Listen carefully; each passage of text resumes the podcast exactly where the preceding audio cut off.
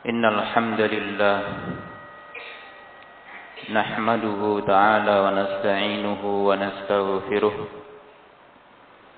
ونعوذ بالله من شرور أنفسنا ومن سيئات أعمالنا. من يهده الله فلا مضل له ومن يضلل فلا هادي له. أشهد أن لا إله إلا الله وحده لا شريك له وأشهد أن محمدا عبده ورسوله. يا أيها الذين آمنوا اتقوا الله حق تقاته ولا تموتن إلا وأنتم مسلمون. يا أيها الناس اتقوا ربكم الذي خلقكم من نفس واحدة. وخلق منها زوجها وبث منهما رجالا كثيرا ونساء. واتقوا الله الذي تساءلون به والأرحام. إن الله كان عليكم رقيبا. يا أيها الذين آمنوا اتقوا الله وقولوا قولا سديدا. يصلح لكم أعمالكم ويغفر لكم ذنوبكم ومن يطع الله ورسوله فقد فاز فوزا عظيما. أما بعد فإن أصدق الحديث كتاب الله وخير الهدي هدي محمد صلى الله عليه وآله وسلم وشر الأمور محدثاتها فإن كل محدثة بدعة وكل بدعة ضلالة وكل ضلالة في النار معاشر المسلمين jemaah salat Jumat yang dirahmati oleh Allah Subhanahu wa taala. Hendaknya kita senantiasa memuji dan bersyukur kepada Allah Subhanahu wa taala atas segala nikmat dan anugerah yang diberikannya kepada kita dengan cara menjalankan segala perintah-perintahnya dan meninggalkan segala larangan-larangannya.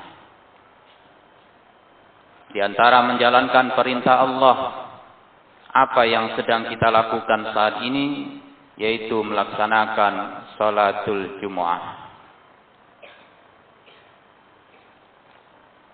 Ya ayyuhalladzina amanu idza nudiya lis-salati min yaumil jumu'ah fas'au ila dzikrillah wa dzarul bai'. Salawat beriring salam terus kita ucapkan untuk nabi kita Muhammad sallallahu alaihi wa alihi wasallam. Masyarul muslimin Jamaah salat Jumat yang dirahmati oleh Allah Subhanahu wa taala.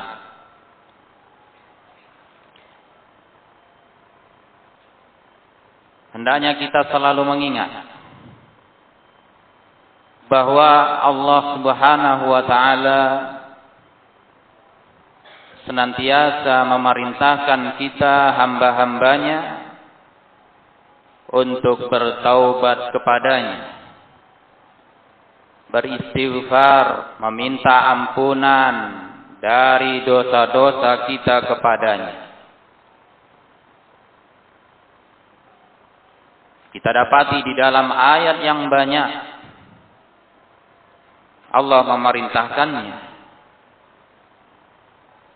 Dan juga kita dapati Allah Subhanahu wa taala mensifati dirinya dengan nama Al-Ghaffar, Al-Ghafur, Ghafiruz Dzam, Zil Maghfirah.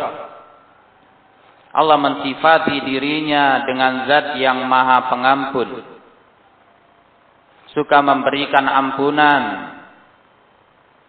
yang mengampuni dosa, yang memiliki pengampunan. Dan juga Allah Subhanahu wa taala menyanjung memuji hamba-hambanya yang senantiasa beristighfar kepadanya. Dan juga Allah janjikan balasan yang besar bagi orang-orang yang senantiasa beristighfar kepada Allah Subhanahu wa taala. Maka dari itu jemaah yang dimuliakan oleh Allah Ini semua menunjukkan kepada kita tentang pentingnya kita beristighfar kepada Allah Subhanahu wa taala. Dan juga menunjukkan keutamaan istighfar serta menunjukkan betapa butuhnya kita untuk senantiasa beristighfar kepada Allah Subhanahu wa taala. Para nabi jamaah yang dimuliakan oleh Allah tentu adalah kedua. Para nabi adalah panutan kita. Contohan bagi kita. Dan kita dapati Allah Subhanahu wa taala menyanjung para nabi, memuji mereka karena mereka itu senantiasa beristighfar kepada Rabbnya dan bertaubat kepadanya. Di antaranya Nabi Adam dan istrinya alaihi wassalam. Allah mengisahkan tentang ucapan keduanya. Kata Allah Subhanahu wa taala Qala Rabbana zalamna anfusana. Wahai Rabb kami Sesungguhnya kami telah menzalimi diri-diri kami. Wa illam taghfir lana dan jika engkau tidak berikan ampunan kepada kami wa tarhamna dan memberikan rahmatmu kepada kami. Lanakunanna minal khasirin. Sungguh kami akan menjadi orang-orang yang merugi. Demikian pula kita dapati Nabi Nuh alaihi salam. Beliau mengatakan kata Allah Subhanahu wa taala wa illa taghfirli wa tarhamni akum minal khasirin ya Allah jika engkau tidak berikan ampunan kepada diriku dan tidak memberikan rahmat kepadaku sungguh aku menjadi orang-orang yang merugi begitu pula Nabi Musa alaihi salam beliau juga mengatakan Rabbi Inni zalamtu nafsi faghfirli. Wahai Rabbku, sesungguhnya aku telah mendolimi diriku, maka dari itu berilah ampunan kepadaku. Demikian pula kita dapati Nabi Daud alaihi salam. Beliau juga dikatakan oleh Allah Subhanahu wa taala, "Fastaghfara rabbahu wa kharra raki'an wa anab. Nabi Daud alaihi salam meminta ampunan, istighfar kepada Rabbnya, beliau menyungkur sujud dan bertaubat kepada Allah Subhanahu wa taala. Demikian pula Nabi Sulaiman alaihi salam beliau mengatakan Rabbi ghafirli wa habli mulka la yanbaghi li ahadin min ba'di wahai Rabbku berikanlah ampunan kepadaku dan anugerahkanlah kepadaku kekuasaan kerajaan yang tidak layak diberikan kepada orang seseorang pun setelahku. Jemaah kaum muslimin yang dirahmati oleh Allah Subhanahu wa taala maka demikian pula kita kita dapati Nabi kita Muhammad sallallahu alaihi wa alihi wasallam Allah perintahkan kepadanya wastaghfir li dzambika walil mu'minina wal mu'minat Mintalah ampunan untuk dosa-dosamu kata Allah dan juga untuk kaum mukminin dan mukminat. Maka dari itu kita pun diperintahkan oleh Allah Subhanahu wa taala dengan beristighfar kata Allah fastaqimu ilaihi wastaghfiruh. Istiqomahlah kalian kepada Allah dan beristighfarlah kepadanya. Maka itulah jamaah yang dimuliakan oleh Allah menunjukkan kepada kita mereka para nabi yang menjadi panutan kita mereka senantiasa beristighfar, bertaubat kepada Allah Subhanahu wa taala. Maka sangat layak, sangatlah pantas bagi kita sebagai seorang muslim untuk meniru mereka, mencontoh mereka, senantiasa beristighfar kepada Allah, bertaubat kepada Allah Subhanahu wa taala. Karena kita harus menyadari banyak sekali perbuatan-perbuatan dosa yang kita lakukan dalam keseharian kita. Baik yang kita sadari maupun yang tidak kita sadari. Jemaah yang dirahmati oleh Allah Subhanahu wa taala. Selain istighfar dan bertaubat kepada Allah Subhanahu wa taala diperintahkan oleh Allah, di baliknya juga kita dapatin ada faedah-faedah yang besar yang itu semua kembali maslahatnya kepada kita sebagai seorang muslim, sebagai hamba Allah Subhanahu wa taala. Faedah yang pertama bahwa istighfar merupakan sebab lima dzunub, merupakan sebab agar kita bisa mendapatkan pengampunan dosa dari Allah Subhanahu wa taala. Di dalam hadis qudsi Allah Subhanahu wa taala mengatakan fastaghfiruni aghfir lakum Kata Allah, mintalah oleh kalian ampunan kepadaku, pasti aku berikan ampunan untuk kalian. Dalam ayat Allah Subhanahu wa taala mengatakan wa may ya'mal su'an aw yadhlim nafsa thumma yastaghfirillah yajidillaha ghafurar rahima barang siapa yang melakukan kejelekan atau dia menganiaya dirinya sendiri kemudian dia istighfar, minta ampun kepada Allah, dia akan dapati Allah Maha Pengampun lagi Maha Penyayang.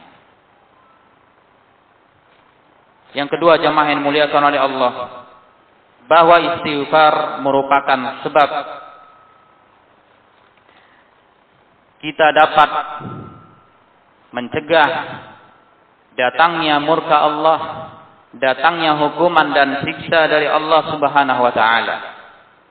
Allah Subhanahu wa taala mengatakan, "Wa ma kana Allahu mu'adzibahum wa hum yastaghfirun." Kata Allah, tidaklah Allah akan menurunkan azab ke tengah-tengah mereka dalam keadaan mereka senantiasa beristighfar kepada Allah Subhanahu wa taala. Selagi masih ada orang-orang yang senantiasa beristighfar kepada Allah, Allah tidak akan menurunkan azabnya. Maka dari itu senantiasa jemaah yang muliakan oleh Allah, kita lantunkan istighfar kepada Allah Subhanahu wa taala. Dan juga istighfar merupakan sebab mendapatkan kelapangan, mendatangkan rezeki, melapangkan kita dari berbagai macam kesulitan-kesulitan hidup. Rasulullah sallallahu alaihi wa alihi wasallam pernah bersabda Kata Rasul man lazimal istighfar. Barang siapa yang senantiasa beristighfar ja'alallahu lahu. Allah jadikan Allah buatkan untuknya. Min kulli dhiqin makhraja. Dari setiap kesulitan Allah berikan jalan keluar untuknya. Wa min kulli hammin faraja. Dari segala kesusahan Allah berikan kelapangan untuk dirinya. Wa razaqahu min haitsu la yahtasib. Dan Allah memberinya rezeki dari arah yang tidak diduga-duganya. Jemaah kaum muslimin yang dirahmati oleh Allah Subhanahu wa taala. Kemudian juga di antara faedah dari istighfar bahwa istighfar menjadi sebab turunnya hujan. Allah per, Allah lapangkan rezeki, harta benda, anak turunan. Di mana Allah Subhanahu wa taala mengisahkan tentang ucapan Nabi Nuh. Kata Nabi Nuh, "Faqultu astaghfiru rabbakum innahu kana ghaffara yursilis samaa'a 'alaikum midrara wa yumdidkum bi amwali wa banina wa yaj'al lakum jannati wa yaj'al lakum anhara Kata Nabi Nuh, aku katakan mintalah ampunan kepada Rabb kalian. Sesungguhnya dia adalah zat yang maha pengampun. Allah akan menurunkan hujan dari langit dengan lebat. Terus menerus. Dan Allah akan memperbanyak untuk kalian harta benda, anak keturunan, dan Allah jadikan buat kalian kebun-kebun dan sungai-sungai yang mengalir. Imam Al-Hasan Al-Basri ketika ditanya apa solusi dari banyak permasalahan yang datang kepadanya, jawabannya cuma satu ayat ini saja. Ada yang datang mengadukan apa solusinya, hidupnya sangat sulit. Ada lagi yang datang nggak punya anak sudah lama. Ada lagi yang datang beliau hanya menjawab istighfar. Datang yang lain perbanyak istighfar. Jawabannya cuma ayat ini jemaah yang dimuliakan oleh Allah banyak-banyak istighfar kepada Allah Subhanahu wa taala. Melapangkan rezeki. Allah akan berikan anak turunan. Allah akan turunkan hujan yang mana hujan tentunya itu rahmat bagi kita. Rahmat bagi alam ini. Allah akan melapangkan rezeki bagi kita dan memberikan berbagai macam kebaikan-kebaikan di dalam hidup kita. Maka jemaah kaum muslimin yang dirahmati oleh Allah Subhanahu wa taala, sangat pantas untuk setiap muslim senantiasa beristighfar kepada Allah Subhanahu wa taala di setiap waktu dan memperbanyak darinya. Di dalam hadis Ibnu Umar kita lihat bagaimana Rasulullah sallallahu alaihi wa alihi wasallam sahabat Ibnu Umar langsung memberikan keterangan Kata beliau, "Innana lana'uddu li Rasulillah sallallahu alaihi wasallam fil majlisil wahid mi'ata marrah yaqul." Kata Ibnu Umar, sesungguhnya kami sungguh kami menghitung untuk Rasulullah sallallahu alaihi wasallam di satu majelis saja beliau bisa sampai seratus kali mengucapkan Rabbi ghafirli wa tub alayya innaka antat tawwabur rahim. Wahai Rabbku, berilah ampunan kepada diriku dan terimalah taubatku. Sesungguhnya engkau zat yang maha penerima taubat lagi maha penyayang. Seratus kali di satu majlis. Ini menunjukkan jemaah yang dimuliakan oleh Allah. Beliau senantiasa beristighfar kepada Allah subhanahu wa ta'ala. Padahal beliau adalah yang orang yang sama kita ketahui sudah dijamin dosa-dosanya diampuni oleh Allah Subhanahu wa taala yang dulu maupun yang akan datang. Nah, kita siapa jemaah yang muliakan oleh Allah? Tak ada jaminan itu. Kita tak dapat itu. Banyak sekali dosa yang kita lakukan, baik yang kita sadari ataupun tidak. Maka kita harus lebih memperbanyak istighfar kepada Allah Subhanahu wa taala. Rasulullah di dalam Sunan Ibnu Majah Rasulullah SAW bersabda tuba liman wajada fi sahifatihi istighfaran kathira. Kata Nabi, alangkah berbahagianya orang yang didapati dalam lembaran catatan amalnya istighfar yang banyak. Aku lu masamitum fa astaghfirullah li wa lakum fastaghfiruh innahu huwal ghafurur rahim.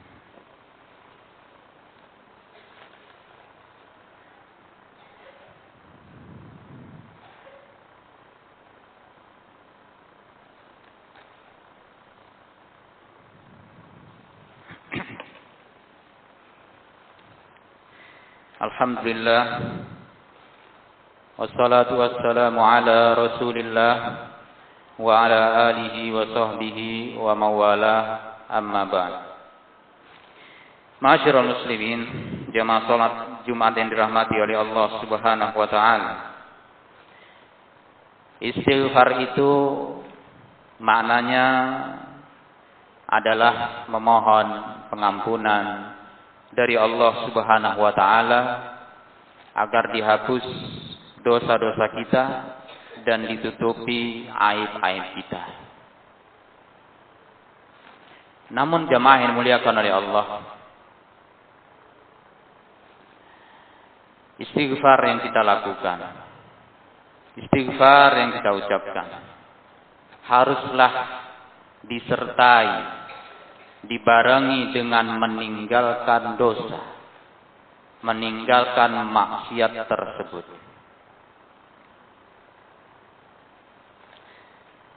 Sehingga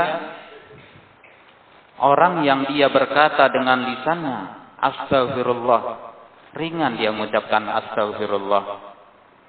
Sering dia mengucapkan Astagfirullah. Tapi seakan-akan itu menjadi permainannya. Menjadi kebiasaan lisannya.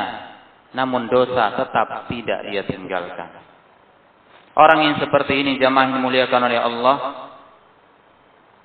Istighfar dengan lisan, tapi dosa tetap dia lakukan. Ini adalah orang kezab. Orang pendusta. Tidak bermanfaat istighfar itu kepadanya. Imam Fudail bin Iyad radhiyallahu uh, rahimahullah mengatakan Kata beliau istighfarun bila iqla'in taubatul kazzabin. Lihat kata beliau, istighfar tanpa meninggalkan dosa itu taubatnya para pendusta kazzabin. Taubatnya para pendusta. Kemudian ulama lain juga berkata, istighfaruna zambun yahtaju ila istighfarin Istighfar kita itu dosa yang butuh kepada istighfar. Apa maksudnya jemaah yang dimuliakan oleh Allah Subhanahu wa taala? Maksudnya orang yang beristighfar tapi tidak meninggalkan maksiat hanya sebatas lisan saja ini adalah perbuatan dosa yang harus yang butuh kepada istighfar yang sebenarnya. Jemaah kaum muslimin yang dirahmati oleh Allah, maka dari itu coba mari kita perhatikan diri kita. Sama-sama kita introspeksi diri selama ini. Kita sering mengucapkan kata istighfar, namun apakah dosa sudah kita tinggalkan? agar kita jemaah ini yang dimuliakan oleh Allah Subhanahu wa taala tidak termasuk dari apa yang dikatakan oleh Imam Fudail bin Iyad tadi. Orang-orang pendusta.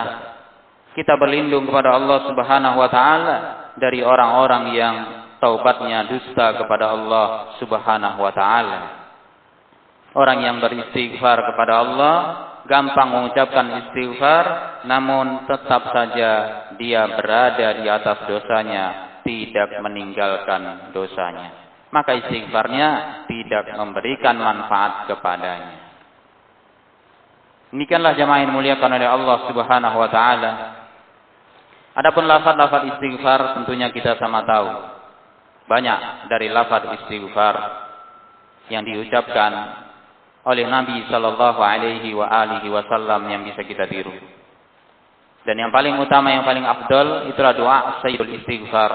Memang doanya agak panjang namun itu lebih utama karena mengandung perkara-perkara yang sangat dicintai oleh Allah Subhanahu wa taala, mengandung sanjungan kepada Allah, mengandung pengakuan rendahnya, lemahnya diri kita kepada Allah, baru kemudian di ujungnya permintaan yaitu minta ampun kepada Allah Subhanahu wa taala.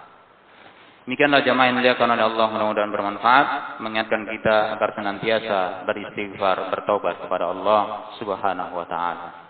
Allahumma salli ala Muhammad wa ala ali Muhammad kama sallaita ala Ibrahim wa ali Ibrahim innaka Hamidum Majid wa barik ala Muhammad wa ala ali Muhammad kama barakta ala Ibrahim wa ali Ibrahim innaka Hamidum Majid. اللهم اغفر للمسلمين والمسلمات الأحياء منهم والأموات إنك سميع قريب مجيب الدعوات. اللهم اهدنا إلى صراطك المستقيم صراط الذين أنعمت عليهم غير المغضوب عليهم ولا الضالين. اللهم لا تجعل الدنيا أكبر همنا ولا مبلغ علمنا ولا تسلط علينا من لا يخافك ولا يرحمنا. اللهم ارزقنا حسن الخاتمة. ونعوذ بك من سوء الخاتمة. اللهم ارزقنا لذة النظر إلى وجهك الكريم. برحمتك يا أرحم الراحمين. ربنا هب لنا من أزواجنا وذرياتنا قرة أعين واجعلنا للمتقين إماما. ربنا آتنا في الدنيا حسنة وفي الآخرة حسنة وقنا عذاب النار.